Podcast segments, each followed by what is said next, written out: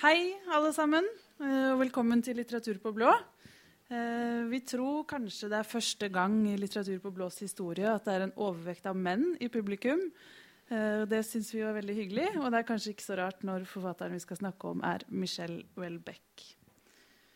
En karikaturtegning av Welbeck prydet forsiden av den franske satireavisen Charlie Hebdo samme dag som det grusomme angrepet fant sted 7.1 i år.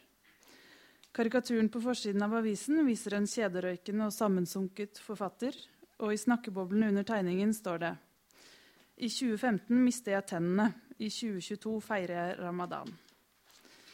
Teksten i snakkeboblene spiller på handlingen i Welbecks siste roman, 'Soumission', som ble lansert i Frankrike samme uke som angrepet mot redaksjonen.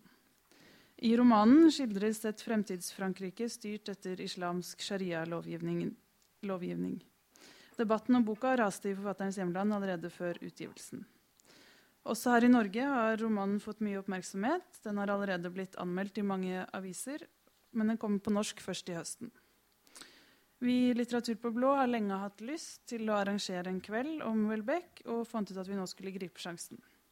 Både til å samtale om den siste romanen og om Michelle Welbecks øvrige forfatterskap. For hva slags forfatter er Welbeck, og hva er hans litterære prosjekt?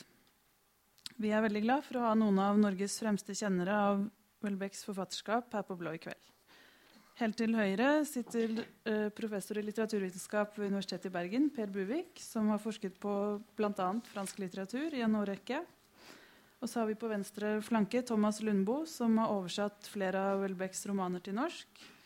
Eh, Bl.a. utvidelse av kampsonen, som kom på norsk i 2004, 'Muligheten av en øy', som kom i 2005, og 'Kartet og terrenget' fra 2011. Samtalen ledes av Kristin Buvik Sivertsen, som ved siden av å være redaksjonsmedlem i Litteratur på blå, også har skrevet en masteroppgave om Welbeck. Um, samtalen varer omtrent en time, og dere kan stille spørsmål etter samtalen. Ha en fin kveld.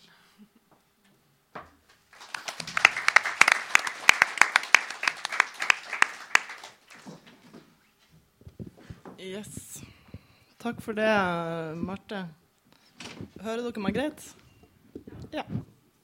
Så bra. Um, vi uh, skal snakke om uh, Michel Malbec. Um, og uh, det jeg tenkte at vi skal gjøre, er det at første ca. halvdel av samtalen så snakker vi litt generelt om Houellebecq og hans forfatterskap. Um, og så uh, mot slutten av samtalen, siste halvdel cirka, så snakker vi da om soumission, eller underkastelse, da, som er denne siste romanen. Aller først så tenkte jeg å bare si helt kort noe om, uh, litt om Houellebecq, for dere som ikke kjenner så godt til han. Han, eh, han, begynte jo å i sine første bøker tidlig på, på 90-tallet. Han ga bl.a. ut eh, en biografi om eh, HP Lovecraft, som da er en amerikansk horrorforfatter. Um, og den kom han med da vel i 91. Og så kom han med et par poesisamlinger før, uh, før han da debuterte som romanforfatter i 94, med utvidelse av Kampsonen. Um, og det er jo først og fremst kanskje de tematikkene som han har tatt opp i sine romaner, som har vært det som har ført til at han har blitt en såpass kontroversiell forfatter. Um, han uh, Ja, dere kjenner jo Eller mange av dere kjenner jo til det. Han har jo kritisert alt fra islam. Han portretterer kvinner på en uh, ikke så flatterende måte, kanskje alltid. Um, han uh, kritiserer studentopprøret i 68 for å legge grunnlaget for liberalismen osv. osv. Um, og for disse tingene her så har han jo blitt kalt både for antifeminist, um, misogyn Han har blitt kalt for islamofob. Ja, i det hele tatt. Um, og annet i 2003 så måtte han jo stille i retten pga. sine uttalelser om islam i forbindelse med Plattform, som da var en roman som kom i 2003. En veldig kontroversiell forfatter, og derfor eh, tenkte jeg å begynne med å spørre dere to i panelet um, Hva var grunnene til at uh, dere var interessert i Welbeck i utgangspunktet? Per, kan du begynne? Ja, det, det kan jeg godt. Um, Altså, jeg tror at min uh, interesse for Orbeck uh, begynte sånn som uh, de begynte for veldig mange lesere i hele Europa og i USA også. jeg husker bare en periode han ble, ble ja, intervjuet og stilt sammen med Brett Easton Ellis, som også var en sjokkerende forfatter som, som mange leste og hadde moralske problemer med. Um, og jeg har i grunnen alltid interessert meg forfattere som uh, går litt uh, mot strømmen, for å sitere tittelen på hovedverket til uh, Joris Carle Huismans, som jo er en person i den siste romanen som vi skal komme tilbake til. Men hva er det med Michel Houellebecq? Jo, jeg tror det at uh, han ble opplevd uh, altså uavhengig av uh, hva han uh, konkret sa, som en slags frigjører på, den, på, det litterære parnasset i Frankrike, som vi må bare si hadde vært og er til dels ennå, selvfølgelig, men nå mye vanskeligere intellektualistisk. Eh, lukket, hermetisk, elitistisk så kommer det da en, eh, en forfatter som uh, buser ut med I hvert fall han slenger tanker på papiret som leserne bare hører uttalt på nachspiel og, og i, i, selskap og, og noen reaksjonære tanter og onkler som kommer, osv. Eh, og plutselig så står det der på sidene, og det, det er liksom klinkende klart. Eh, og da har jeg også berørt da, altså han, han, er ikke redd for å ta i kontroversielle temaer. Og du har jo nevnt, eh, Kristin, eh, noen. En annen ting som ikke er så enkelt bestandig, det er jo å bestemme uh, i hvilken grad han stiller seg bak sine personers uh, mer eller mindre provoserende uh, uttalelser. jeg skal si et par ting til, hvis jeg får lov. Og det er at Michel Houellebecq har sine forløpere i fransk litteraturhistorie. og jeg kan nevne to. Eh, nei, jeg skal nevne fire. Eh, den, den, ene er faktisk eh, Emil Zola. Som jo eh, ble forfulgt og trakassert eh, gjennom store deler av sin produktive fase. Eh, den andre er Gustav Flaubert, som mange i salen vil kjenne for M, altså Madame Bovary. Uh, han ble jo um, truet med å bli buret inne da den kom, altså i 1957. Han, uh, nei, 1857, mener jeg. Uh, og så har vi den mest kontroversielle av dem alle. Louis Ferdinand Céline. altså 'Reisen til nattens ende'. død på kreditt. det er nesten vanskelig å nevne Céline fordi han, eh, han, sprenger alle rammer, på en måte. Han er en kjempestor forfatter, anerkjent av alle. Men han eh, var en eh, fanatisk antisemitt og jødehater og antikommunist osv. Så, videre. så han skrev en del under krigen som, som familien ikke, ikke, vil skal se dagens lys. Og så den fjerde er Wismans, som han som han nå ø, gjør altså til en veldig viktig skikkelse i sin roman 'Soumission', altså underkastelse. Jeg tror jeg gir meg med det foreløpig. Eh, Thomas?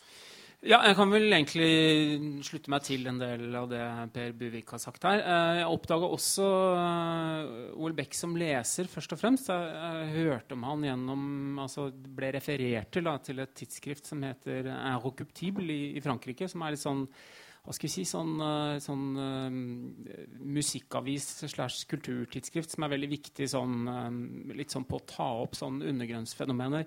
Uh, og 'Utvidelse av kampsonen', som, som, er den første romanen hans, det, det var jo ikke noe sånn braksuksess med en gang. Det var en sånn bok som, som, det tok litt tid, som gikk litt sånn fra øre til øre før den, før den ble kjent. Det var vel litt også sånn jeg fikk høre om den. og jeg vil også si at litt den samme opplevelsen at dette var noe annet. Da, og en, også en roman som, som sa ting um, veldig direkte. Um, ikke, ikke, nødvendigvis bare det som er kontroversielt, og, den, og de, det som gir den litt sånn frydefulle følelsen man kan få hos Wolbeck av og til. At oi, her er det en som tør å si det, gitt.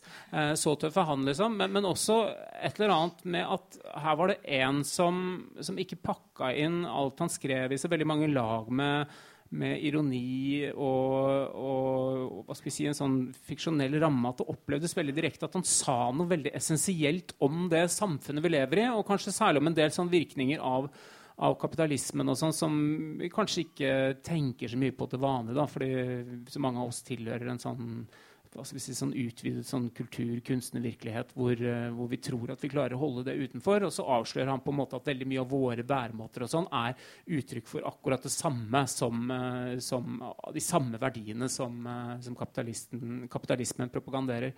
Um, så jeg hadde en sånn veldig sånn sterk følelse av at dette var en, en forfatter som sa noe noe essensielt om det samfunnet vi lever i. og det, altså, det er helt sånn tilbake til, det er en sånn grunntese i, uh, i uh, utvidelse av kampsonen om at seksualiteten på en måte har blitt, uh, har blitt en sånn helt sånn lignende sfære som, som, den økonomiske konkurransen i kapitalismen. At, at det også seksualiteten og kjærligheten og alt det vi liksom tenker på som det fineste i, i menneskets liv, og liksom, sånn sfære som normalt er beskytta fra alle kapitalismens sånn, uh, markedsimperativer og akkommodifisering og altså hele det der løpet der, at det også er spist opp av det. Og mye av de samme kreftene som da man tror kjemper for frigjøring og sånn, er med på å, å, å forfekte akkurat de samme ideene.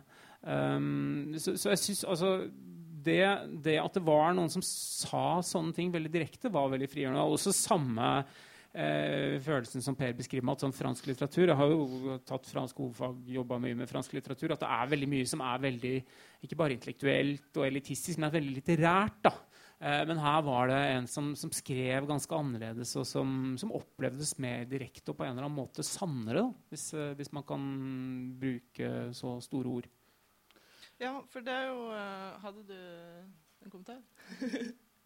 får jeg lov? Ja, så får du. um, ja, uh, altså der, Jeg syns det er naturlig å nevne det altså at uh, OL Beck har på den ene side denne hva skal vi si, uh, ideologikritiske, uh, sivilisasjonskritiske siden.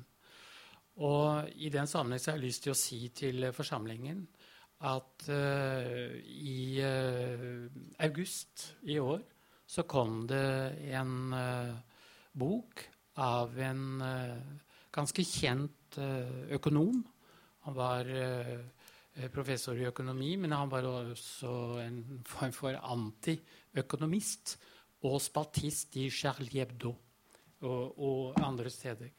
Han heter Bernard uh, Marie, og Michel Houellebecq og han uh, fant hverandre fordi Marie mener da at Olbecks Houellebecqs kritikk av neoliberalismen, altså nyliberalismen, har altså sin uh, virkelige berettigelse og han sammenstiller han med kjente økonomer osv. Keynes og andre. Det, det, er veldig interessant. Og det ligger et intervju med han eh, på fransk for de som kan det på, på YouTube, som er veldig rørende. Og det er spesielt bevegende fordi eh, Bernard Marie ble drept i attentatet mot eh, eh Charlie Hebdos eh, redaksjon den, den 7. januar.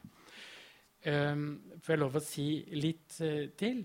Uh, fordi uh, Apropos dette at man har inntrykk av at man møter en person som mener noe, som sier akkurat det han mener. Og, og nå sa da Thomas at her var det ingen subtiliteter. Jeg vil, jeg vil nyansere det lite grann. Fordi det viser seg at når man går inn og fisker frem de mest provoserende uttalelser F.eks. i plattform som, som Kristin som sitter her, har skrevet masteroppgave om Michelle Michel Houellebecq. Uh, uh, F.eks. i plattform.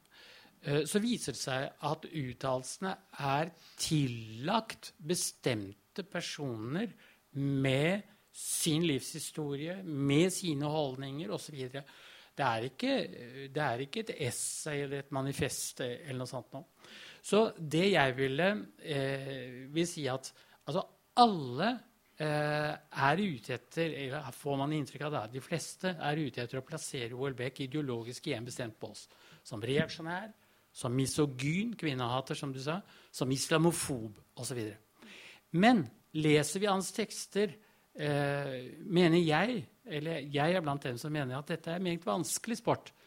Um, og jeg mener at dette også er noe av skandalen, det sjokkerende, ved, ved Michel Houellebecq. Altså, det fins ikke noe helt entydig budskap. Eh, noen, ingen entydig ideologi i hans eh, romaner.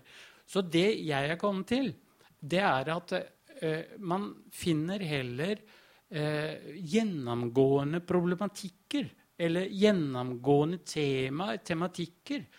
Eh, og jeg har notert meg fire, men nå har jeg snakket så mye at jeg kan ta dem etterpå. Eh, ja, det, er en, ja, selvfølgelig, altså, det, er jo, det er jo subtilt, og det er romaner også, men, men det er jo Eh, altså han skriver jo også en type roman som Jeg vil jo på en eller annen måte kalle dette her idéromaner. For, altså, fordi at idéutvekslingen har, såpass, har en såpass viktig plass i romansujettene. Altså veldig mye samtale med folk som snakker og, og, som du sier, kaster ut ideer mot hverandre, diskuterer dem. og det er klart, er veldig, jeg, tror jeg, tror heller ikke man kan trekke ut noen sånn entydig ideologisk posisjon eh, og tillegge Michelle Wolbeck Det er altfor enkelt. Men, men det er allikevel den man har en Allikevel, da, vil jeg si, og det er jeg kanskje bitte litt uenig, men, eh, men fordi altså, i opplevelsen av bøkene så har man en veldig sterk følelse av at det er det er en mening som ligger her. Altså, selv om man ikke på en måte kan plassere den og beskrive den sånn og sånn og sånn er den, og sånn er Michelle Houellebecqs politiske ståsted, hva nå det skulle være. Men, men det er likevel en sånn, veldig sånn følelse av at dette er, er veldig direkte, og at, at de, de, kanaliserer et eller annet, en eller annen form for meningsinnhold. da Eh, på en måte som er veldig, veldig tydelig sammenligna med veldig mye annen litteratur. Eh, men, men, for all del, altså, det, er jo, det, er jo, komplekst. Det er mange, mange, posisjoner som spilles ut mot mm. hverandre. og sånn, selvfølgelig. Mm. Men altså, kritikken av det vestlige samfunnet er jo likevel tenker jeg, gjennomgående i en del av romanene. Altså, der er han jo på en måte Absolutt. Absolutt. Um, altså det, det, er noen sånne temaer som jeg bare tenkte jeg kunne ja, Skal vi komme tilbake til det? eh, ja, vi, jeg vet hvilket tema du skal fortsette ja, med, ja. så jeg kommer til å nevne det veldig kort. Altså, Men uh, altså det er, jo, uh, det er jo noe som er gjennomgående, som er formulert mer eller mindre entydig, men ganske entydig, og det er jo at virkeligheten i vår del av verden, den vestlige Eh, sivilisasjon, den er på en måte avtrollet, for å snakke med Adorno. Eh, alle ting har eh, mistet sin aura, eh, for å snakke med Walter Benjamin. Eh, og den, den vestlige sivilisasjonens verdioppløsning gjennom ekstrem relativisme og fravær av felles verdier som eh, religion og som familie, for, for eksempel. Vi er, eh, vi er eh, ikke elementære grunnleggende bestanddeler, men vi er elementærpartikler eh, som svever rundt, rundt der som atomer. Eh, noe annet som er gjennomgående, det er jo det du sa, Kristin. At det er altså eh, 1968 eller 68-generasjonens katastrofale følger, altså meg, for å si det sånn, eh, for, eh, for, både samfunn og, eh, og individ. Eh, og noe annet som går igjen, eh, det er jo det vestlige menneskets bunnløse ensomhet som følge av fragmenteringen og verdioppløsningen.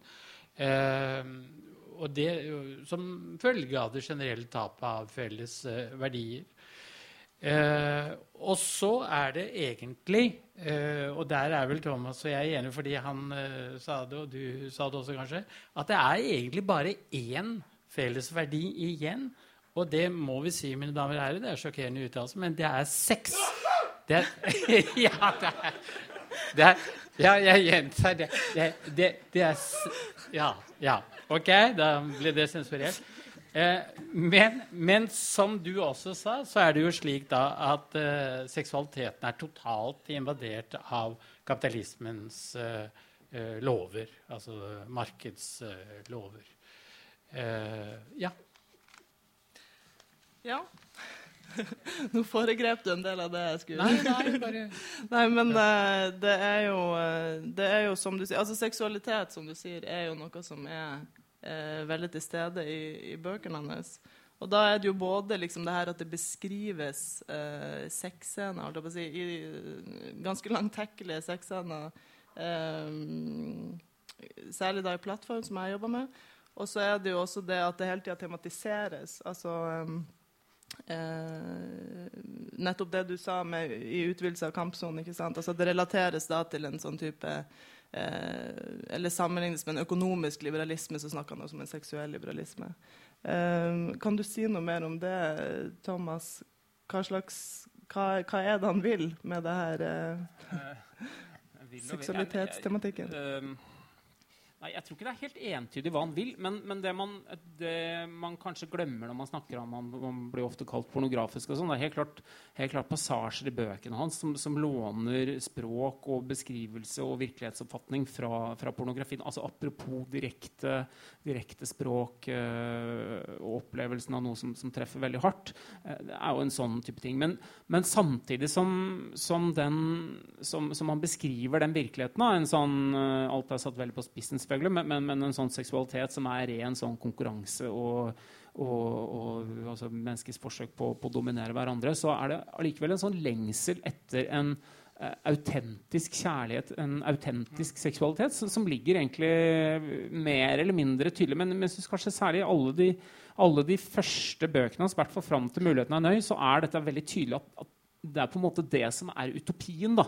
Eh, og så er det samfunnet som på en måte ødelegger mulighetene for å oppleve denne, denne rene, gode kjærligheten. For man, man, skal, ikke, man skal, ikke, underslå det. Eh, og det, det, er veldig tydelig også i plattformen. Altså, selv en sånn bok så er det det som hovedpersonene lengter etter. Da. Og i, særlig også i, i elementærpartikler eller grunnleggende bestanddeler så er jo på en måte eh, begge disse to brødrene som beskriver der opplever jo en sånn liten sånn tilstand av en sånn utopisk kjærlighet før det selvfølgelig går som det måtte gå, og, og de, disse damene de er sammen med, dør. og det, det, er sånn det er dømt å bli sånn. da. Men, men, det er på en måte dit de vil. Uh, så jeg, jeg, tror vel altså, Hva han vil må jeg, jeg, jeg, tror faktisk han er genuint veldig opptatt av sex. Jeg, tror, jeg tror ikke man skal underslå det heller. Uh, altså, som, uh, altså, det er også noe med Olbecks bøker at det på en måte både Eh, de er jo både symptomer på en samfunnsutvikling, samtidig som de beskriver en samtidsutvikling som de til dels fordømmer. Men samtidig så er det jo en del av, av det også. Um, um, men, men allikevel så det er en sånn vilje til en sånn godhet som ligger der. da, uh, allikevel. Um, ja. OK. Um, som, um, som, vanlig enig med Thomas, men uh, ikke helt. Nei, jeg vil, jeg vil supplere lite grann, uh, fordi uh, altså Det er jo skrevet en egen bok, så vidt jeg husker. Du har kanskje lest den? Uh, Welbeck, 'Romantiker'. Uh, ja, nei, men det, det, det, om hans romantiske lengsel, tross alt, som du nå har snakket om. Eh, men jeg har lyst til å si, bare konkretisere hvordan han Hva skal vi si uh, konkret da skildrer to forholds oppløsning fordi de ødeleggelse, fordi de er altså viklet inn i vår tids endeløse, bunnløse trivialisering også av det intime. Uh, og det gjelder f.eks. i, i da, de grunnleggende bestanddeler. Forholdet mellom Bruno og hva heter hun? Christian? Christian ja. altså, det er ingen grunn til å tvile på deres kjærlighet. Altså, De møter hverandre da, under litt suspekte omstendigheter. altså En sånn seksualisert campingleir. Uh, sånn, uh, litt sånn uh, New Age og, og sånn. Og så når de kommer til Paris, så begynner de å, å gå på sexklubb sammen. Sånn Club des Échangistes. Og den finnes i Paris. Den heter Chris et Manu. og Eh, der skjer da det at eh, hun blir eh, Ja, hva skal vi si da? Altså, hun blir kopulert til invalid av en fremmed, eh, som det står i den norske oversettelsen, som ikke er Thomas, branner av en mann. Eh, litt for stor for henne. Og, eh, og, hun blir rett og slett invalid. Og til slutt så Hun blir sittende i rullestol, og til slutt så orker hun ikke dette livet lenger. Hun syns det er for ille at han skal slepes med henne, og så kjører hun utfor og, og, og dreper seg. Eh, når det gjelder eh, i plattform, så er det Snakker jeg for lenge nå? Nei. Eh, altså Der er det jo også eh, et eh, nesten grotesk eh, eksempel på hvordan Eh, det kapitalistiske, neoliberale samfunnet griper inn i privatlivet. fordi eh, der er det slik at to, altså Valérie og Michel, som han heter da, de elsker hverandre. Er ingen grunn til å tvile på det. Eh, men skildringene er på mange måter stereotypt pornografiske, og allerede det viser hvordan dette fine som finnes mellom dem, er snappet opp, så å si, av dette trivielle eh, samfunnet som vi har. Og så eh, har de lyst til å eh, hoppe av karusellen. De orker ikke Paris lenger. Det blir for slitsomt. Og hva er det de skal leve av? Jo, de skal leve av å organisere sexreiser for andre som ikke får det, eh, privilegerte, den privilegerte tilgang til den romantiske kjærligheten som de selv opplever. Og det, det ender jo med et attentat, og Valeri dør, og han eh, Michel vet ikke hvordan han skal kunne overleve. ikke sant? Eh, men sånn er det viklet inn, og, og ja, det er undergravd fra starten av, så å si. Ja, ja det er romantiske forholdene. Ja, det, ja, ja. Men jeg tenker at uh, det er jo noe med i både de grunnleggende bestanddeler og, og, plattform, så ender det jo i en form for sterilitet, holdt jeg på å si. Altså det ender jo i, i de grunnleggende bestanddeler så ender det jo i det her klone... Eh, universet, holdt jeg på å si. Mm. Og så i plattform også så er det jo Kanskje litt dumt å si hvordan det slutter, men, men, uh, men det ender jo i hvert fall med at Michelle sitter alene i et hotellrom og forakter Vesten og alt det, det Vesten står for. Uh, så jeg tenker jo det er jo på en måte også en slags uh, motstand mot denne, denne seksualiteten. Altså mot denne liberalistiske seksualiteten, på et vis. Ja, altså det, det, sier jo egentlig veldig klart, og, særlig i de grunnleggende bestanddelene så er det veldig sånn, helt sånn uttalt. Uh, altså I hvilken grad skal man tillegge Welbeck, det kan man jo spørre seg om. Men, men, der står det jo liksom sånn rett ut at et sånt frislipp av seksualiteten må nødvendigvis samtidig slippe fri destruktive krefter i menneskene som gjør at samfunnet vil bare uh, ødelegges rett og slett av en sånn alles kamp mot alle. Uh, så, det er helt sånn uttalt der. Uh, så det er også hele tiden et sånn spørsmål om hvilke verdier er det som holder samfunnet sammen. Og sånn, og det, de finner han jo færre og færre og færre av, egentlig. Ja. Men uh, det er jo Vi snakka litt i stad om det her med hva som gjør han så, så kontroversiell. Altså, nå har vi for så vidt snakka litt om, om, de tematikkene. Men det er også det der at han, han trekker jo inn eh, altså Han spiller jo hele tida på det selvbiografiske. Altså Litt av liksom skrivestilen hans er jo Han knytter jo en del av liksom romanpersonene opp til, eh, opp til sin egen person. Ja, og omvendt. altså Han knytter jo sin egen person opp til skriveprosjektet sitt. altså han gjør, eh, Så vidt jeg har skjønt, da, så gjør han også en veldig sånn for, direkte form for research på en del av det han gjør. sånn når han skrev om den den sekten som, uh, som beskrives i, uh, i 'Muligheten er en øy'. Så han ble jo med i den sekten den, den railsekten som er en helt sånn latterlig ufo-sekt. Som, han, som han en stund ble litt sånn fronta som en sånn Her har vi en kjendis som vi kan vise fram. Eh, og jeg tror også han var eh, frekventerte disse her eh, swingersklubbene i Paris. eh, så som, altså det er en sånn eh, Han har jo veldig sånn Hva skal vi si Flink er kanskje ikke ordet, men, men han bruker liksom den, den nye medievirkeligheten veldig. også konstruerer også Det er også noe av det som gjør det så vanskelig å liksom vite hvor man har han som sånn, som sånn meningsbærer på en eller annen måte. Fordi han, han hele tiden konstruerer en sånn forfatterpersona, bevisst eller ubevisst. Altså, men men det, har, oppstått en veldig sånn tydelig persona eh, som heter Michelle Wolbeck, som er en veldig sånn tydelig figur i den franske offentligheten, som, som til en viss grad er et sånn produkt av hans egen måte å konstruere seg selv på. I tillegg til altså, at han bruker jo masse sånn derre sånn eh, selvbiografiske triks. altså Han kaller hovedpersonene sine det samme som seg selv. altså alle I alle de første bøkene så heter hovedpersonen Michelle.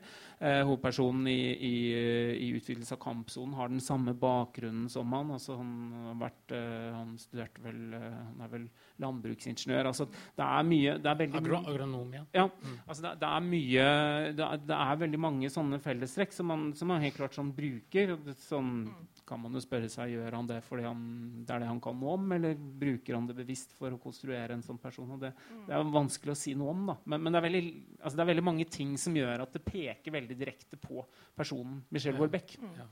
Men er det Jeg tenker litt at det er for å skape den, den uh, provokative Altså for, for å provosere det. Altså jeg tenker at det er liksom eh, for, for å gjøre provokasjonen enda tydeligere. Altså om, jeg veit ikke hvor bevisst det er. Altså Av og til sånn, sånn i sånne i offentlige sammenhenger så virker han nesten litt sånn autistisk av og til. Også, sånn, Sier ting veldig sånn direkte og veldig ufiltrert og, og veldig sånn hensynsløst overfor for andres uh, oppfatning, uh, oppfatning av han selv. Men, men jeg tror helt klart altså, Uansett hvor bevisst eller ubevisst er, så tror jeg det er en veldig sånn viktig del altså, Det er blitt en del av forfatterskapet. Den, den offentlige personen hans er, er, er blitt uløselig knytta til forfatterskapet. Og det er interessant. altså Der er det også noe som er veldig annerledes enn en, en, eh, enn i hvert fall fransk litteratur fram til da. At du har en så, så tydelig sånn offentlig figur som, som er litt sånn i, i, fri, i, eh, i fri flyt i, i media og sånn. Um, Eh, Et par ting der. Eh, altså, de som begynte å bruke media for fullt um, som en del av forfatterskapet, det var jo eksistensialistene Jean- Jean-Paul Sartre og Simone de Beauvoir. Men det er klart at mediesituasjonen den gangen var en eh, helt annen. Og Michel Orbeck det slo meg jo der uh, Altså, jeg fortalte uh, til Kristin og, og Thomas at jeg var på en stor eh, konferanse i, eh, om og med Houellebecq eh, i 2011. Og der deltok han litt i diskusjonen. Og sånn, og det slo meg jo at han er jo en eh, meget intelligent person. da. Belest og intelligent. Og derfor så utnytter han jo veldig bevisst den mediesituasjonen som vi har fått. Og du snakker om å konstruere sin person osv. Det er jo det eh, moderne mennesker eller postmoderne mennesker gjør i veldig stor grad. Og, og han eh, gjør det på sin måte. Og jeg syns det blir helt eh, umulig å snakke om akkurat dette eh, uten å nevne at i den, en av de romanene du selv har oversatt, Thomas, eh, nemlig 'Kart og Ja. der er jo Michel Houellebecq ikke Michel sånn som han er eh, i eh, Le Particule Elementaire, altså de grunnleggende bestanddeler, eller i plattform, men han er Michel Houellebecq. ja. Og ikke nok med det, han dør. Eh, og det er en etterforskning for å, å finne ut eh, omstendighetene omkring denne døden. Og, Så, og han etterforskeren og, ligner jo også veldig på Michel Houellebecq. Ja, Og så har han han til og med en hund som heter uh, Michou. Ja, Eh, ja, ja. ja, ja, ja, ja. Eh, men i- underveis da, så, så vet vi det, det er en hovedperson der som er, som er kunstner. En eh, sort av. eh, han blir i hvert fall veldig rik. eh, av å fotografere kart som allerede eksisterer. Eh, så det er jo en slags avsløring av uh, humbug innenfor kunstens verden på en måte. da. Han reiser til Irland for å intervjue Nei, det er Wales, er det det? Wales? Nei, Irland, Ja, det er Irland, ja. For å intervjue Michel Houellebecq. Mm. Og det er jo noen forferdelige beskrivelser av hvordan denne Michel Houellebecq, forfatteren, lever der borte. Mm. Og det er klart altså, man får inntrykk av at dette er faktisk sånn som han levde i en periode da han forlot Frankrike. Ja, en skotteflyktning. eh, Ja, ja, men eh, altså Men der, der stiller han seg til skue på en måte. Men vi vet jo ikke om han virkelig levde akkurat sånn, da. Nei, og det er, jo, Ja, det er vel en replikk der hvor han Ja. uh, Jed Martin, han denne kunstneren, i, Ja. uh, i, sier, at, uh, sier et eller annet sånn som at nå har jeg på følelsen at du spiller deg selv. Eller at du, at du er en sånn at, at du lager en, en egen ja. utgave. At du Ja. prøver å leve opp til forventningene om hvem Ja, du er. Så, Ja, ja. er- Men over det hele så er det en agronom som heter Michel Houellebecq, som setter dette i scene, ikke sant? Ja, ja. ja, det er klart. Ja. Det vet jeg. Komplisert. Ja.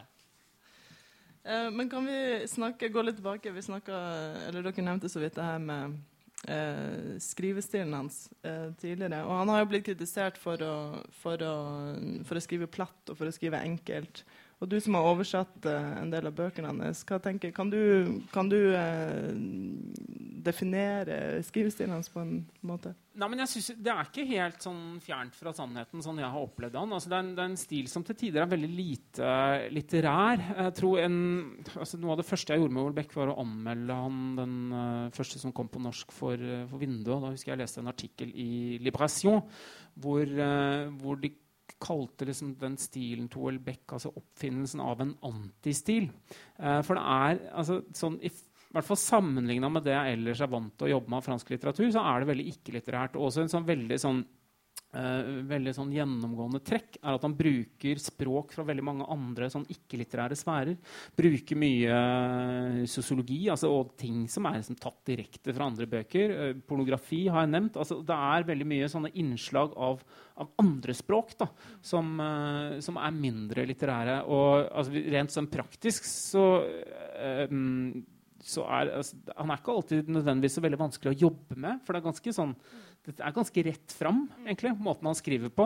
Eh, bortsett fra at han veldig ofte da kommer innom sånne, sånne fagområder hvor man trenger en del sånn spesialkunnskap. altså Både naturvitenskap og særlig samfunnsvitenskapene, økonomi og sosiologi. Eh, hvor man liksom merker at han har et sånt eh, vokabular inne. Så jeg syns jo jeg kjenner meg igjen altså, i, sånn, i den direkte kontakten med, med språket som oversettelse blir, så kjenner jeg absolutt igjen eh, elementer i den kritikken. Så kan man spørre seg er det negativt, eller er det kanskje noe av det som nettopp gjør Oelbeck til en veldig interessant forfatter? At han skriver på den måten. Jeg vil vel si det, at det, er, det gjør han mer interessant. Um, at, at, han bruker den typen sånne andre språk i, i litteraturen sin. Så, så jeg, jeg, er på en måte enig i den kritikken, men jeg syns ikke det er noe negativt i det. Samtidig som altså sånn, hvis du ser på så, som du har sagt, altså, Det er jo sånn subtile lag sånn narrativt og sånt, det er det klart. Men, men altså, sånn på mikronivå, sånn stilistisk, så er det ofte veldig sånn rett fram. Altså. Det, sånn gjennomgående, egentlig.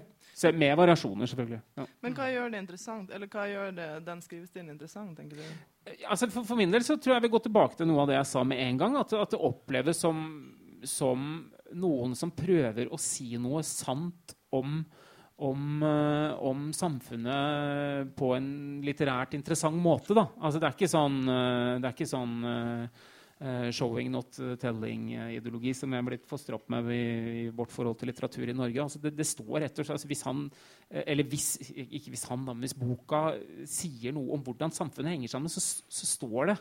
Og så er det kanskje ting i boka som illustrerer det også, men det står helt rett ut. Uh, og det, det syns jeg er til dels veldig befriende, egentlig. At man bare kan si det, istedenfor å alltid måtte, alltid måtte illustrere ting og gjøre det sånn gåte som man skal liksom føle eller fornemme seg fram til. At det bare står rett ut. Sånn er det. Så kan man tro på det eller ikke tro på det, og tro han mener det eller ikke tro på det. Men, men allikevel så er det en, en sånn opplevelse av det, da, synes jeg, i bøkene hans. Hva tenker du, Per? Hvorfor, hvorfor har han denne her skrivestilen som uh, Thomas beskriver? Er du enig i den, uh, den beskrivelsen? Ja, jeg er, jeg er, til dels enig. men, ikke, men ikke fullt ut. For det første så har jeg lyst til å si at det ble nesten en rettssak fordi han hadde skrevet så mye av Wikipedia. Så han er en, han er en råtass. Han, eh, og i mange av bøkene, eller i hvert fall et par bøker, så er det jo veldig mye sånn reklamespråk og reklamesnutter osv. Så, videre. så han tar, eh, han tar for seg. Han er eh, flerspråklig, for å si det sånn. Eh, Men det er, det er noe annet vil Du sa vel ikke det, kanskje? Det, det er jo at eh, altså midt i dette platte eh, altså flate språket, da, så skapes det en humor som kan få deg til å le deg skakk, altså. Eh, hvor- er, er du enig, Kristin? Eh, kanskje, ikke så mye, kanskje ikke så mye plattform, Ikke så mye ikke så mye plattform, plattform, men, men, det, men eh, OK, hvis du ikke ler så veldig mye, så blir du i hvert fall så blir du i hvert fall slått av nesten absurde sammenstillinger. Altså, han kan hoppe fra et eh, betydningsnivå eller en betydningssfære til noe totalt banalt. Altså, han kan eh, Jeg husker nå bare i farten et sted han har eh, tanker om de eh, største metafysiske spørsmål, og så plutselig så blir han opptatt av at radiatoren lekker. ikke sant?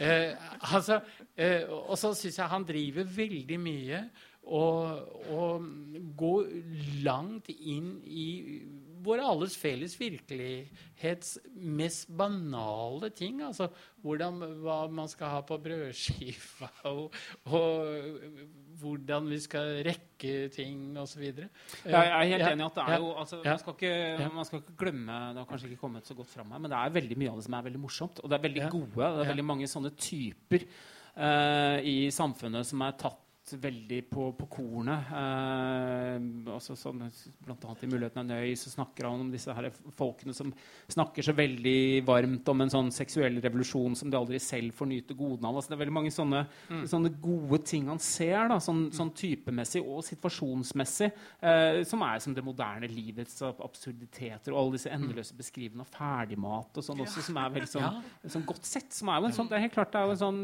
virkelighet som, som man kjenner seg igjen i. Sånn Ja. Irritasjon av visse sånne ferdigmatmerker smaker sånn og sånn og er så og så vanskelig å lage og sånn. Altså, han, han gir plass til veldig mange sånne ting da, i, eh, i litteraturen sin. Uh, så så det, er, det er ofte veldig morsomt. Og så er det jo bunnløst tragisk uh, innimellom også, selvfølgelig. Ja. Jeg bare fortelle, Det var en fransk kritiker da, som eh, var så lei seg etter å ha lest den siste boken, for det handler veldig mye om sånn mikrobølgeovn og, og sånne ting. da. Så, så skrev kritikeren Å, hvordan skal det gå med vårt kjære Frankrike? Vi har jo vært så berømt for den gode cuisine. Uh, hva slags bilde vil dette skape av oss i utlandet, osv.? Ja, ja, På grunn av mikrobølgeovnen. ja, ja. ja, ja, ja, ja. Men uh, det var godt vi begynte å snakke om mikrobølgeovnen, for nå må vi snakke om uh, soumission. Uh, underkastelse, som den antageligvis kommer til å hete på norsk. Kanskje. Underkastelse. Jeg tror det, ja. ja. Um, men uh, det her er jo da den boka som, som kom i januar, um, og som da har vakt mye oppsikt, annet, som, som jo Marte også innleda med. Um, boka er lagt til uh, 2022, og, uh, og da presidentvalget i 2022. Eh, og da er det sånn at eh, det er representanten for Det muslimske brorskap eh, Nei. Det heter det La? Fédération. Nei, det heter. Fédé Fédération musulmane. Er helt sikker? Mm. 100 Så det er ikke Det muslimske brorskap? La Fraternité, heter det det? La Ja, Fraternité tror det, men, men altså, det, Ok, er, det er, det, er, det er ikke Muslimbrødrene. Altså, det er ikke den det er ikke organisasjonen, det er et fiktivt parti. Ja, ja. Det er i hvert fall en muslimsk president, da, for å si det sånn, som blir eh, valgt. Um, og eh, den her Mohammed Ben Abbes heter han i hvert fall, han som blir eh, president. Og, han, eh, og denne nye regjeringa de innfører da sharia-lovgivning. Eh, hele samfunnet bygges opp rundt eh, islamsk lære. Um, og da reaksjonene på denne romanen, som dere jo sikkert uh, vet, har jo vært, uh, vært, veldig voldsomme. Og blant annet så har Welbeck blitt kritisert for da å pushe velgere mot Front National, altså som er da det høyreradikale partiet i Frankrike. Um, så uh, det jeg vil spørre dere om, er hva synes dere om boka? Per? Jo, jeg har lest med veldig stor interesse. Lest den til og med to ganger med tanke på denne diskusjonen i dag. Men øh, kanskje jeg skal si enda tydeligere akkurat det politiske plottet, for ikke å si komplottet. Uh, altså, vi er i 2024, er vi det, Thomas? 22. 22 ja. ja. 2022.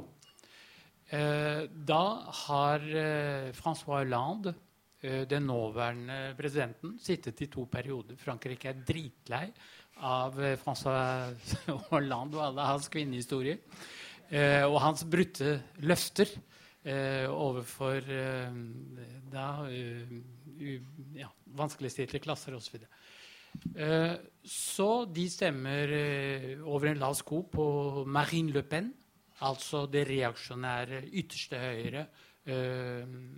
Eh, Eh, nasjonalfronten, eh, Le Front National. Men så, og de får flest stemmer ved valget. Men så er det da dette muslimske Jeg har litt problemer med det muslimske brorskapet. Altså det, det, denne muslimske federasjonen, mm. eh, som det også kalles. Ellers så får alle assosiasjoner til Egypt. Ja, ja. eh, men i hvert fall eh, Fordi dette er jo ikke noen ekstrem eh, gruppering i det hele tatt. Eh, det er da altså en utrolig intelligent leder for dette, eh, denne federasjonen, som får eh, nest mest stemmer. Og så har man da Sosialistpartiet, som jo i realiteten tilsvarer vårt Arbeiderparti, sosialdemokratiet. og så har man Høyre, UMP, Sarkozys parti. Så bestemmer de seg for Nei, så sier de sånn øh, øh, på bakrommet, holdt jeg på å si Nei, vi kan ikke gi presidentmakten til Marine Le Pen. Det er for ille. Nei, OK, hva gjør vi da? Jo, vi støtter opp om den muslimske kandidaten.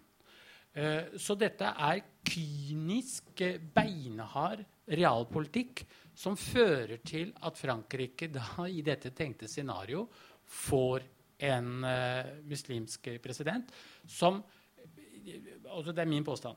Han, det kan du motsi meg på. da. Han skildres veldig sympatisk. Han skildres veldig intelligent. Uh, han er ikke i nærheten av ekstremistiske holdninger. Uh, han skjønner Frankrike fullt ut uh, hva slags samfunn. Han respekterer på mange måter, men han vil ha klare endringer som som det er sagt her. Mm. Ja. jeg er helt enig i det. Ja. Jo, altså, dette er jo en bok som Det er jo det med Ole Beck. Altså, som, altså, han er jo en, en, del av den medievirkeligheten han, han, han er, står i. Eh, og denne boka har på en måte blitt lest før noen har lest den. Eh, og den ble jo liksom som framholdt som islamofob og sånn før, før, noen hadde rukket å lese den. Fordi det, liksom, innholdet ble lekket litt sånn like før jul.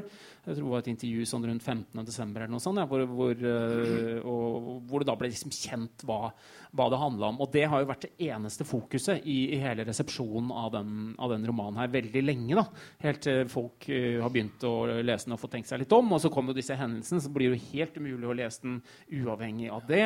Um, så, og, og, jeg er helt enig. Altså, fordi uh, jeg, jeg, leste den i, i, i, høst. Jeg skulle skrive en konsulentuttalelse om for det norske forlaget. Og da leste jeg egentlig før jeg ante hva den handla om. i det hele tatt, Så var det som 50 sider om uh, hovedpersonens forhold til uh, Huismans, som ja, ja, interessant nok, liksom, men kanskje er det dette nye Welbeck-boka? Kanskje ikke det mest spennende han har funnet på. liksom. Uh, og så kom det her, da. Og så begynte jeg å tenke jøss, skal han skrive sånn? Skal, skal, jeg, liksom, skal dette være en sånn uh, litterær versjon av Breiviks Eurabia-teorier? Men så, så, ser man jo etter hvert at det er jo en helt annen sånn politisk virkelighet som beskrives. og denne Mohammed Ben Abbes er jo en sånn samlende figur som, som klarer å spille på motsetninger som fins i, i, Frankrike, og som også har en sånn visjon om, om, om en sånn om en sånn gjenetablering av Frankrikes storhet som nødvendigvis må gå om religion og det, og hovedpersonen blir etter hvert til dels enig.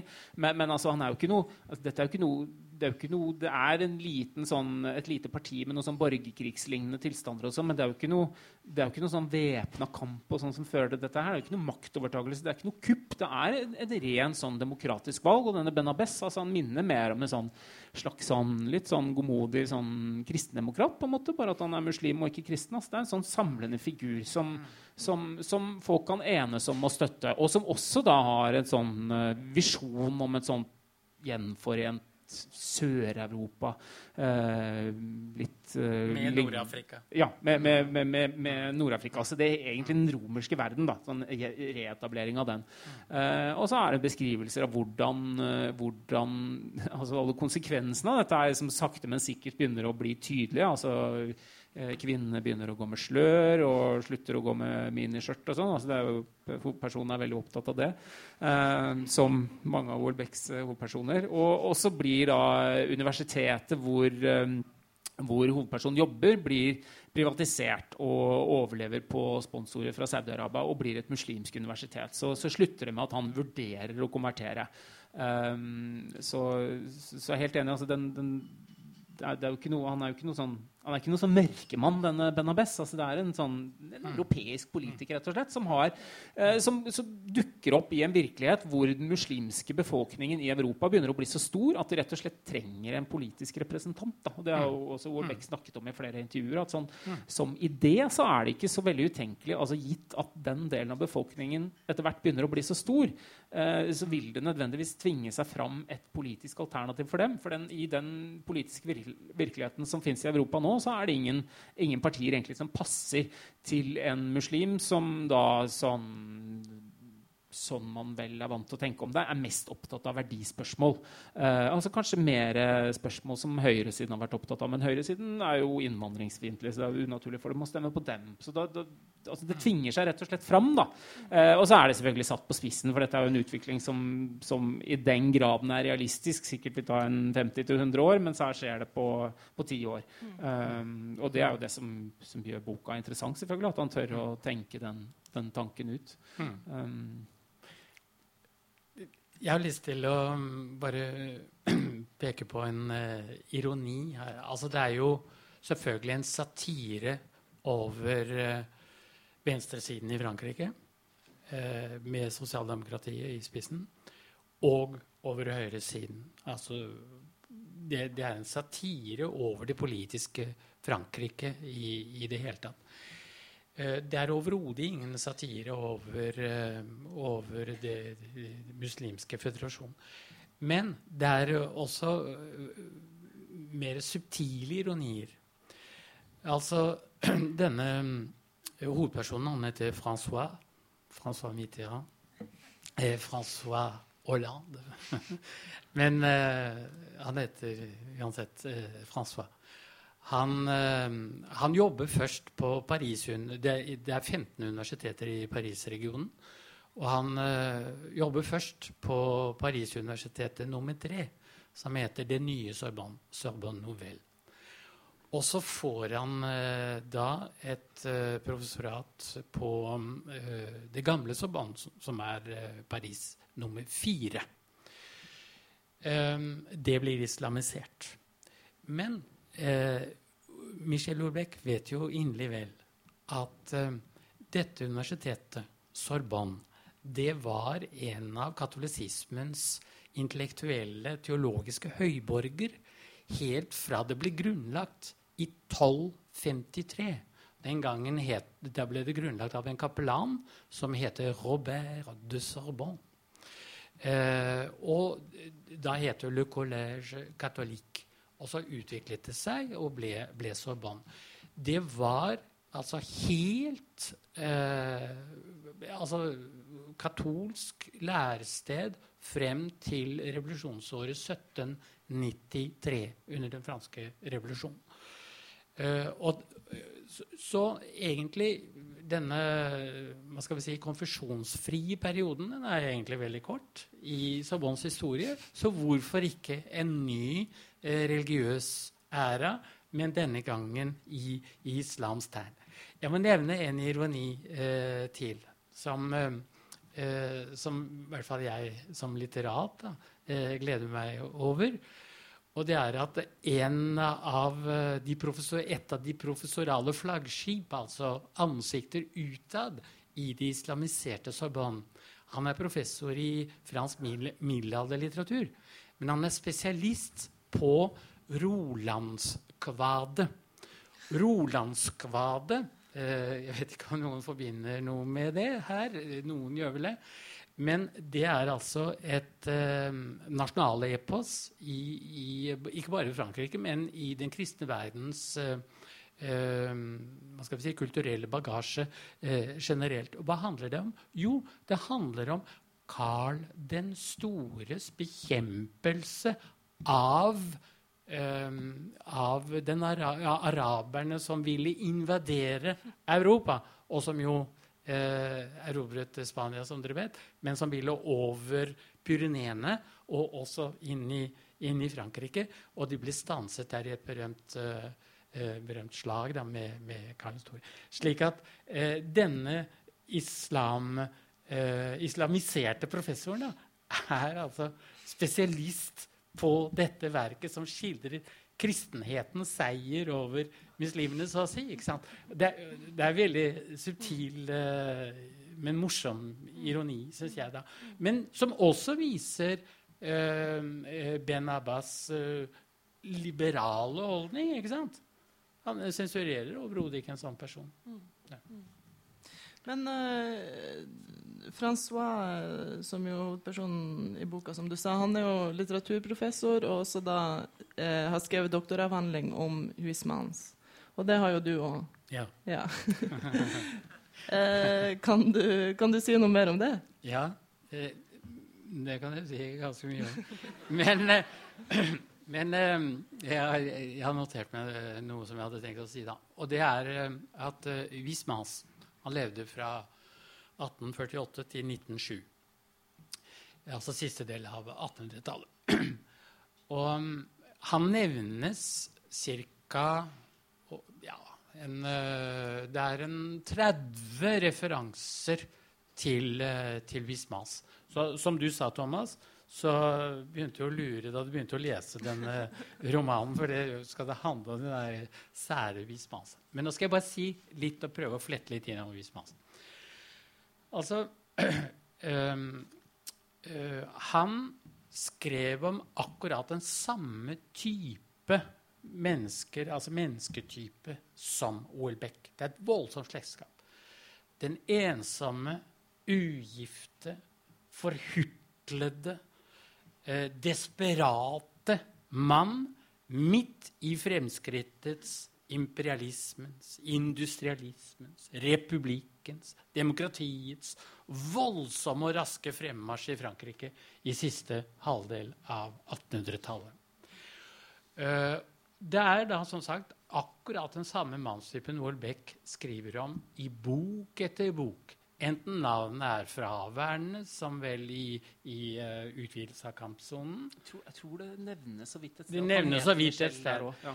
Eller han heter Michel eller Bruno i uh, uh, altså de elementære bestanddeler, eller grunnleggende bestanddeler. Jed Martin eller Michel Wolbeck. Ja, for han opptrer jo da også i La carte, altså kart og terreng. Mm. Eller Francois i Soumission. Dette kan virke veldig monotont. Eh, eh, men det er det likevel ikke. Verken hos Wismans eller hos Olbeck, som for øvrig er døpt Thomas. Michel Thomas heter han. Eh, det skyldes etter min mening to ting. For det første det kreative overskuddet, den meget raffinerte stilen eh, den borrende psykologiske analysen, ironien og ikke minst humoren hos Wismans.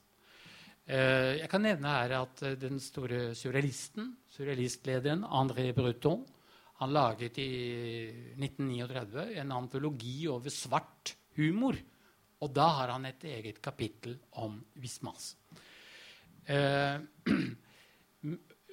humor, ironi og satire er også særkjenne for Altså veldig tungt til stede hos Houellebecq. Og i tillegg til hans sant, fremtidsvisjoner, mer eller mindre dystopiske, som vi har vært inne på. For det andre tenker jeg at det er intensiteten hos begge forfatterne eh, og autentisiteten, ektheten, altså i begge forfatternes fremstilling av sine antihelters fordi det er det det dreier seg om. Det er ikke noen helter. Antihelters eh, eh, blanding av fortvilelse, desperasjon og generalisert melankoli. Eh, splinn og melankoli, sa Baudelaire. Og Baudelaire har Olbæk et uh, tett forhold til, om ikke fullt så tett som, som Vismas. Um, og det er kanskje en tredje uh, dimensjon som motarbeider monotonien både hos Bismas og hos Welbeck. Og det er den at den unngå, det er den uunngåelige søken, tross alt, etter en utvei. En redning eller i et språk som passer godt for begge forfatterskapene mer og mer, har jeg inntrykk av, frelse. En frelse. Wismas og hans alter ego, som heter uh, Dyrtal, uh, fant tilbake til sin katolske barnetro. Uh, tross alle motforestillinger, indre splittelse, motstand, for ikke å snakke om denne seiglivede kjørets lyst hos han også. Eh, i denne eh, romanen som heter 'Underveis', eller 'En route', som, som gir mottoet til eh, Michel Houellebecqs siste roman. Houellebecqs Francois ender med å omvende seg til islam, som vi nå vet. Det ligger eh, altså mye ironi i, i uh, dette, kan man si. Men man får inntrykk av likevel at det har ganske stor eh, hva skal vi si, grad av eh, autentisk desperasjon ba, bak seg. altså. Og da kom jeg i hu et eh, sitat fra De grunnleggende bestanddeler. Der står det rett ut, eh, apropos sånn New Age og sånn en, Et samfunn kan ikke overleve uten en eller annen form for religion samme hvilket paradigme sier, sier, mm, mm. sier et eller annet sånt. Mm. Ja. Så, så, eh, det er klart at Francois han er ikke ført så langt som Wismans, Mm. Eh, altså frem til en uh, genuin tro på Allah og Muhammed. Men han har denne lengselen etter seg til å underkaste seg en guddommelig makt. Og den virker eh, langt på vei autentisk. Eh, er du enig, Thomas? Ja, absolutt. Og det altså, ja. Nå skal man alltid være, skal skille forfatter og hovedpersoner og alt det der og sånn, men, men, det har jo Olbæk sagt veldig rett ut i, eh, i uh, intervjuer også nå i forbindelse med boka, at, at han liksom har opplevd ting som har som, som han sier, at som ateismen hans ikke har klart å stå imot. Da. At han ikke klarer å definere seg selv som overbevist ateist lenger. Um, og, og så, som du sier, altså den der nødvendigheten av fordi veldig mye av Olbæks forfatterskap handler jo om hvordan det vestlige samfunnet går i oppløsning. Mm. Altså, det er jo på en måte grunntemaet som er ja. i, alle bøkene hans. Og, og, det står jo veldig rett ut flere steder at, at liksom en, en, religion er helt nødvendig for, som et sånt samfunnslim. da, mm. på en eller annen måte. Så, så det, er en, det, er jo en, konsekvens av det. Og det ganske, jeg syns det var en veldig interessant del av boka mot slutten av, hvor han liksom rett og slett diskuterer hva kan, hva kan islam gi, som mm. kanskje man savner i kristendommen. Jo, altså det Eh, den er en enklere religion å forholde seg til. Den har ikke denne Kristusfiguren, som gjør jo kristendommen veldig komplisert. ikke sant? Det der At Gud skal ha blitt menneske og sånn, som han også, som altså han eh, professor som du viser til, opplever jo også som, en sånn, eh, som et sånt menneskelig hovmod. At de ikke engang klarer å holde Gud som guddom, men på døde liv må gjøre ham menneske til menneske i tillegg. Og så har du hele denne lidelseshistorien og alt det der som, som, gjør, som gjør, ting veldig sånn psykologisk komplisert. Mens, mens islam har en mye mer sånn en sånn sånn det framstilles i, i diskusjonene her i boka. Da, en sånn mer sånn enkel skapergud å forholde seg til. Eh, altså jo, du, kan, kan, beholde veldig mye, veldig mye tro på altså sånn naturvitenskapelige teorier og sånn innenfor et sånt uh, religiøst paradigme som egentlig bare har en sånn skapergud. Og så er det masse leveregler og sånn i tillegg som, det, som, boka ikke er så interessert i. Men, men, jeg opplever også en sånn helt sånn genuin lengsel etter mm. uh, religion. altså At den boka er et uttrykk for det. Og derfor så syns jeg jo det er, det er blitt eh, altså Det aspektet har blitt til dels for tida i resepsjonen. For, mm. Fordi man har vært så opptatt av er dette islamofobi eller er det ikke islamofobi. Altså, mm. det, det, det, mm. det, Diskusjonen har handla veldig mye om det, eh, istedenfor kanskje å se videre om altså Ikke spesifikt islam, men hva er islam? Det er en religion. Hvorfor religion, Hvorfor religion nå? Hvorfor religion nå i Olbecks forfatterskap? Det er masse sånne spørsmål som ennå ikke er blitt tatt opp. da, Som, ja. Uh, ja. som er forskere og sånn. har tiden for deg på, på, å snakke om det. det og prøve å trekke det litt ut av, av, eh, av, det mediebildet som er skapt av den, den, boka, før noen egentlig har rukket å lese den. Mm. Ja. Um, jeg vil bare tilføye at uh, Francois, hovedpersonen, han uh, har jo et uh, Jeg opplever det som et sterkt kjærlighetsforhold til denne jødiske kvinnen Miriam, som, mm. som er nevnt. Mm. Uh, hun uh, velger pga. utsiktene i Frankrike, uh, sammen med sin familie, å reise til Israel. Og han opplever et enormt savn etter, etter, henne. hvor Man kan sikkert si forskjellige ting om det forholdet, men det har i hvert fall en, en sterk, intens side også. Mm. Selv om det er jo på kanten etter norsk lovgivning. Det er jo en student og en, og en lærer. Ja, det er ikke helt kommet få, så vidt jeg har skjønt på norske universiteter. Det er ikke kommet få, Jeg vet ikke hvordan det er i Frankrike, men det Vel. um, men, men uh, etter dette så tvinges han jo Han sier da flere steder jeg er dømt til ensomhet. Jeg er alene. Det sier han som, uh, som uh, mange av Olbecks helter. Så reiser han uh, til et kloster uh, som heter i Ligugé. og det er nøyaktig det samme klosteret jeg besøkte. besøkt. det. er det samme klosteret som, som Vismans oppholdt seg i, i, i sin tid. altså, det er ikke spørsmål at han skal gå i kloster. Men det er, eh, det er, viktig for han selvfølgelig at Vismans har vært der. Eh, men det er også viktig at han, han får åndelig ro. Han får luftet eh, vekk altså det mest eh, banale og trivielle ved sin virkelighet på det tidspunktet vet han jo ennå ikke om han kan omvende seg til islam og fortsette sitt eh, professorvirke på, på Sorbonne.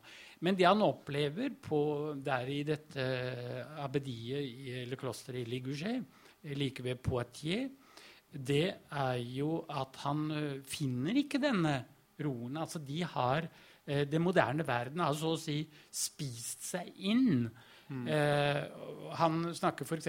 om motorveien og dur fra den osv. Og, og så er det røykeforbud der. Og så er det røykeforbud, og det er jo helt uh, forferdelig. Eh, Vismas eh, var jo også en storrøyker og døde av uh, strupekreft, faktisk. nektet legebehandling fordi han ville lide som Kristus hadde, hadde lidd. imitatio Christi.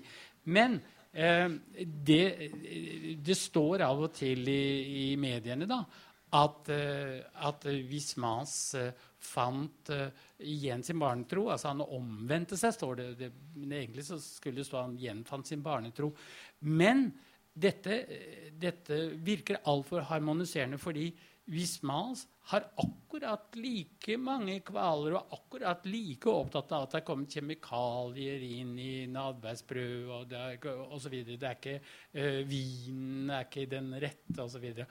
Uh, den er ikke ren og naturlig. Og, uh, altså, uh, moderniteten har så å si også kommet inn i kristenlivet på, på Vismans tid. Og eh, når det gjelder Wisman eh, som katolikk Han ble jo truet med å bli satt på indeks. Så han, han provoserte eh, store deler av den katolske eh, si, offentligheten. Eh, han, han, også. Så der også er det en, en link mellom de to eh, forfatterne. Mm.